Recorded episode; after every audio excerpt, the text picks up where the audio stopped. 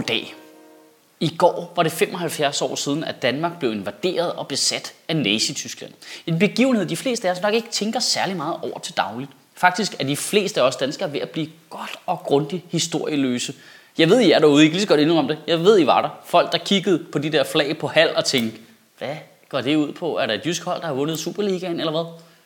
Det her det er ikke noget, jeg finder på. Jeg sad i det tog uden pis, no jokes, hørte jeg tre gymnasiepiger sidde og snakke sammen, og jeg hørte den ene sige sætningen, holocaust. Hvad er det?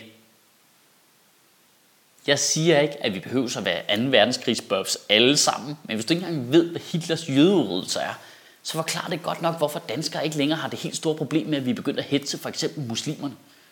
Når vi kalder folk for perker og siger, at de ikke vil arbejde, eller beskylder folk for at voldtage deres døtre, og hvad folk nu kan finde på, så det er altså vigtigt, at vi alle sammen lige ved, at det minder vildt meget om den retorik, som man i 40'ernes Tyskland brugte omkring jøderne. Og så ved jeg godt, at folk sidder ude og tænker, ja ja, ro på Batman, så slemt bliver det ikke. Altså, vi ved godt, hvad der skete med jøderne, det var frygteligt, og sådan, sådan bliver det aldrig igen. Jo, hvis folk ikke engang ved, hvad holocaust er.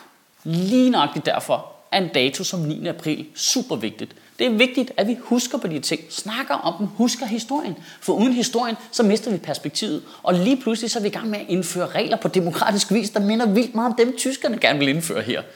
Og jeg ved godt, at 75 år siden, det er fucking lang tid siden. Det er mega svært at interessere sig for noget, der foregik for 75 år siden. Specielt hvis man er ung. Altså 75 år. Det er hele dronning Margrethes levetid. And that bitch is old. Hvis der gik 75 år fra nu og frem, så ville vi være nået til iPhone 43, som bare ville være så stor her en app, der kunne regne dit BMI ud fra lugten af din lort. Men hvis du sidder ude og føler dig lidt ramt, fordi du ikke går super meget op i historie, så skal du ikke tage det alt for alvorligt, for der er rigtig mange ligesom dig.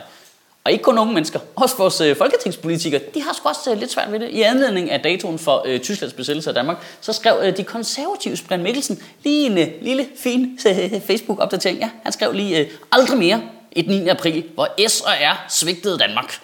S og R beskar forsvaret og lagde sig fladt ned for Nazi-Tyskland. Det er vigtigt, at vi har et forsvar, der kan forsvare Danmark. Derfor foreslår Søren Pape i dag, at vi bruger 1 milliard kroner ekstra på forsvaret, så vi kan forsvare vores demokrati. Åh, oh, Gud. Med alle de penge, der bliver brugt på spindokter nu om dagen, skulle man tro, der var minimum et led mellem Brian Mikkelsen og internettet. Altså at prøve at give regeringen skylden for, at vi blev besat af Nazi-Tyskland i 40'erne. For helvede, der må jo stå folk lige nu på Brian Mikkelsens kontor og bare være i gang med at hive internetkabler direkte ud af væggen med de bare næver mig. Jeg sagde det jo, han skal ikke have fri adgang til resten af verden.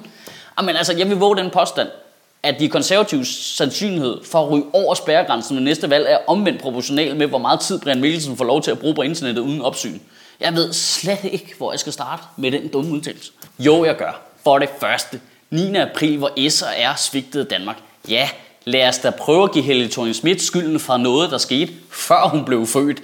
Jamen, det virker slet ikke retarderet jo. Hvis det er den måde, man kører valgkamp på i de konservative, så tror jeg godt, man kan forberede sig på at blive stillet til ansvar på, hvorfor konservativ var det eneste parti, der stod i vejen for, at kvinder fik stemmeret i Danmark i 30 år. For det andet, lagde sig fladt ned for Nazi-Tyskland. Hvad fuck skulle de ellers have gjort, mand? Hele den tyske her kom bare trumlende. En her, der indtog hele Europa på 20 minutter. Vi kunne ikke gøre modstand. Vi var jo så fucked. Alle ved jo, at hvis der kommer en tank kørende direkte mod dig, så det bedste, du kan gøre, det er at lægge dig fladt ned og satse på, at den kører direkte hen over dig. Det ved alle, der har set en Indiana Jones film. For det tredje, ah, okay, skal vi virkelig passe på, at jeg ikke bliver for sur nu. For det tredje, så var der et samarbejdsudvalg under den danske regering, der arbejdede sammen med den tyske besættelsesmagt. Det udvalg bestod af fem partier. Socialdemokratiet, Radikale Venstre, Retsforbundet Venstre og tada!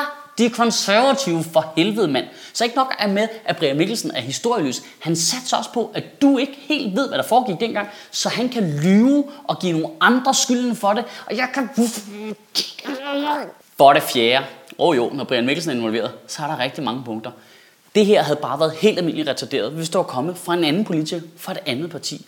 Men lige præcis det konservative Folkeparti havde store problemer med, at i 30'erne var rigtig mange af deres medlemmer sympatisører med nazisterne. Ja, se, ja, der er lige et billede af KU, der hejler til et møde. Ja, der er et til.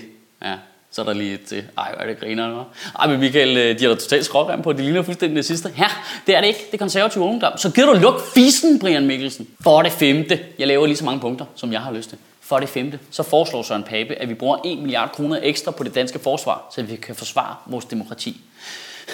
Mod hvem?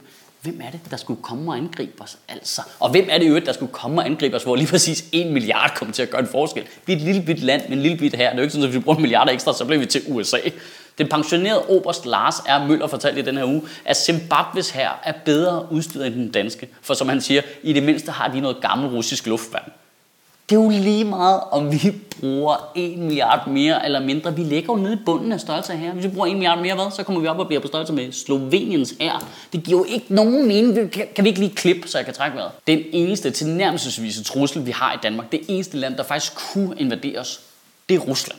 Det kommer aldrig til at ske, men hvis det gjorde, så ville al modstand jo være fuldstændig omsonst. I sidste måned troede den russiske ambassadør i Danmark, Danmark med, at vores krigsskibe ville blive mål for russiske atombomber, hvis vi gik med i det amerikanske missilforsvar. Hvis du er villig til at smide atombomber på skibe, så har du altså alt for mange atombomber. Og der er det altså bare vigtigt at huske på, at når det sker, hvis de konservative sidder i regering, så dør vi alle sammen. Nu er der ikke flere punkter. Jeg tror bare, det er super vigtigt at huske, at meget af den danske identitet og selvopfattelse kom jo af, at vi havde været besat og blev befriet igen. Den tolerance, det frisind, der kom op gennem 60'erne og 70'erne, det kom jo af, at vi, der har været krig, mand. Der har været verdenskrig. Der var nazistiske soldater i vores land. Vi skulle leve bag nedrullede mørklægningsgardiner. Og så blev vi befriet. Og så var det hele jo bare, hvad? Skal kvinder have lov til at gå med bukser? Ja, så who gives a shit, mand. Porno? Ja, ja. Det stiller du bare i børnehøjde. Det er vi der ligeglade. Du gør da bare lige, hvad du har lyst til. Så længe du ikke er en nazist, der kommer og dræber os alle sammen, så kører du bare. Det var vores selvopfattelse. Og jo længere tid siden det er, vi selv har oplevet at bo i et utrygt samfund, jo sværere har vi ved at huske, hvor farligt det var, og hvor bange vi var, hvor ubehageligt det var. Jo mindre tolerante bliver vi. Nu er vi mindre villige til at hjælpe folk, der lever i et utrygt samfund, for vi kan ikke selv huske, hvordan det var. Det kunne vi engang. Det synes jeg er vigtigt at huske på. Måske det er ligefrem en god ting, hvis vi bliver invaderet af Rusland. Det kunne være fedt lige med fire års diktatur, og så kunne vi blive befriet igen, og så ville vi være lidt mindre nogle assholes. Kan du have en rigtig god uge, og Gud bevare min bar.